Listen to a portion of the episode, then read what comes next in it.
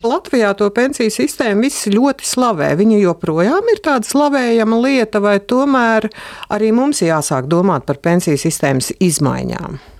Trīs līmeņu sistēma, kāda tā ir ieviesta Latvijā, noteikti joprojām ir atzīstama par vienu no labākajām pasaulē. Protams, svarīgi ir, kā to sistēmu darbina cik akurāti un cik labi veidojās šie uzkrājumi. Ja mēs runājam par pirmo, otro līmeni, tad es domāju, ka tur, protams, vienmēr var kaut ko uzlabot, un gadiem ejot, ik gadu var teikt, ir kādi uzlabojumi arī veikti. Tieši otrajā līmenī es teiktu, ka aizvadītajos gados visvairāk, visnozīmīgākie, bet es redzu, ka ir nepieciešama arī vēl skatoties nākotnē. Trešais līmenis, es teiktu, ir vis, nu, tādā likumdošanas izpratnē visstabilākais. Tā pašā laikā izaicinājums izaicinājums šeit ir nu, dalībnieku skaits. Varam teikt, ka katrs trešais Latvijas iedzīvotājs kaut ko kaut kur krāj. Arī pensiju fonda dalībnieku skaits katru gadu aug par apmēram 6%. Un, nu, tādēļ mēs varam runāt par to, cik labi mēs lietojam šo sistēmu.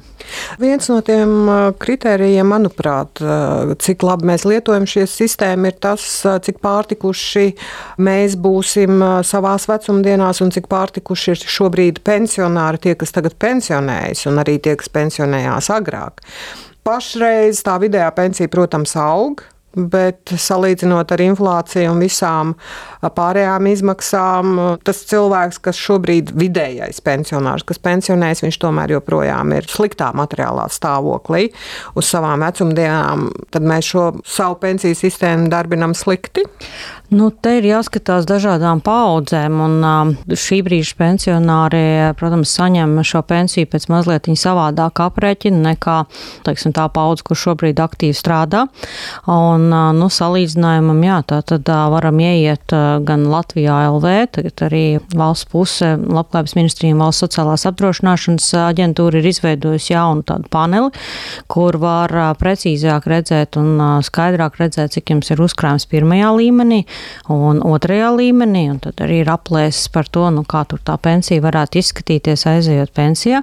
Nu, ja mums šobrīd tur ieiet jaunietis, tad droši vien viņam ir apmēram, nu, salīdzinoši maz uzkrājums un apmēram tikpat varbūt tā bēdīga situācija, bet, ja, ja mēs skatāmies jau 30, 40 gadnieki vai 50 gadnieki, tad tur noteikti tas kapitāls ir krietni liels uzkrājies. Un, attiecīgi, tā pensija būs arī daudz, daudz solidāka. Katrai nākamajai paudzei arvien labāk, ja mēs tā salīdzinām.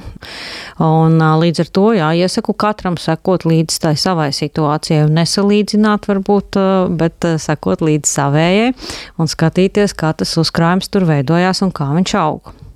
Igaunija spēra tādu radikālu soli. Viņa otro pensiju līmeni deva cilvēkiem iespēju pašiem rīkoties ar šo naudu.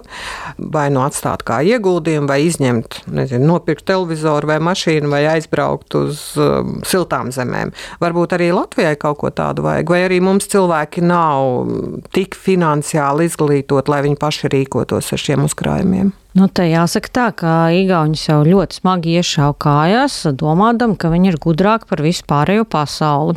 Un mērķis šeit reformai bija ļaut cilvēkiem pašiem pārvaldīt savus līdzekļus. Jo šeit es gribētu atgādināt, ka Igaunijā tā sistēma ir brīvprātīga, tur bija praktiski 76% iedzīvotāji iesaistījušies un krāja tātad gan ar savām iemaksām, gan ar valsts iemaksām, un bija jau sakrājuši pār pa 5 miljardiem eiro. Šī reforma paredzēja to, ka cilvēkam ir tiesības izņemt šo naudu, un mērķis tam bija tāds, ka cilvēks varbūt pats labāk zina, kā pārvaldīt. Nu, rezultāts bija dramatisks, tādēļ, ka nu, vairāk kā 20% izņēma, tas bija 1,3 miljārdi eiro, no kuriem 0,5 6% tika tiešām investēti. Nu, tā ir apmēram tā daļa no iedzīvotājiem, kur mācētu pati pārvaldīt līdzekļus un pati zinātu, kur viņus investēt. Arī Latvijā varētu būt tieši aptuveni tā, tāds pats tieši cipars. Tā, ja? Tieši tā.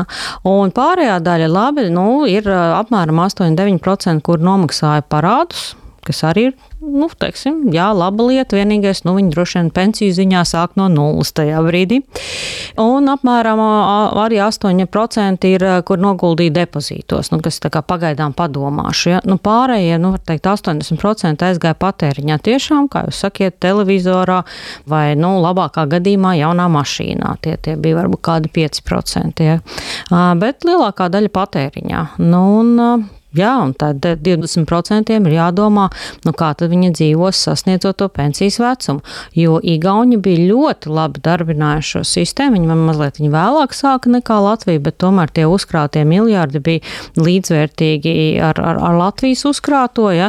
Un nu, tas otrais līmenis tomēr pareizi investēts, pareizi darbināts, dod apmēram 20% no aizvietojamības. Ja? Nu, un, nu, ja tāds tagad tiek kā saka, tiek zaudēta šī iespēja uzkrāt, jo Igaunijā vēl tas trakums ir tāds, ka, ja tu izstājies, nu, tad tu tikai pēc desmit gadiem vari atkal iestāties. Nu, var teikt, ka tā, tā daļa iedzīvotāju, kur uh, izmantoja šo iespēju, nu, paliks, var teikt, pēc lielas daļas savas pensijas. Bet tas bija tāds sabiedrības spiediens. Uh... Politisks, populistisks spiediens, kur, protams, viņi tajā brīdī, nu, teiksim, parlaments tā lēma. Bet eh, nu, pēc tam rūkti nožēloja, bet nu, tur jau vairs neko. Jūs jau pieminējāt to, ka Igaunijā ir šie ļoti daudz cilvēki, kas šobrīd nav tajā otrajā pensiju līmenī, un tā būs nākotnē problēma. Mums ir arī mm, salīdzinoši daudz cilvēki, kuri saņem nu, tā saucamās aploksņa algas, kas arī mazina viņu nākotnes ienākumus. Ir arī runāts un ir bijusi diskusija par to, ka nu, to pensiju varētu visiem maksāt vienādu, tāds neapliekamais minimums, jeb eh, minimālā pensija, ko tev tiešām valsts garantē. Vai mēs ejam uz šādu sistēmu, vai tomēr eh, nē? Nu, šis, protams, būtu jautājums labklājības ministrijai, bet cik es saprotu, tādas diskusijas par bāzes pensiju mums ir, var teikt, regulāras.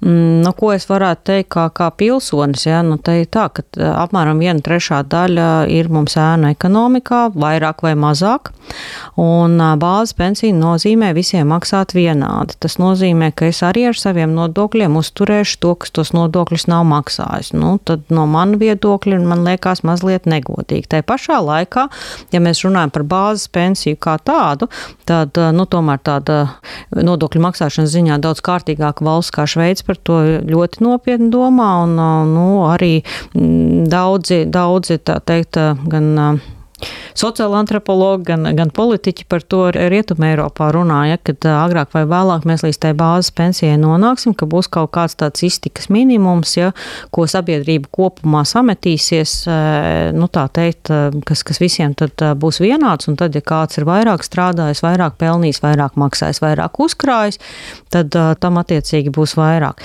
Pieņemu, ka mēs līdz tam arī nonāksim. Kāpēc? Bailēs no kaut kādiem sociāliem jā, nemieriem teiktu, un tādām lietām? Es teiktu, ka vairāk vai mazāk. Jā, jo tā ir tāda, es teiktu, sabiedriska lieta, ja, tāpēc arī sabiedriski apspriežama lieta, ja kā mēs to visi kopā skatāmies.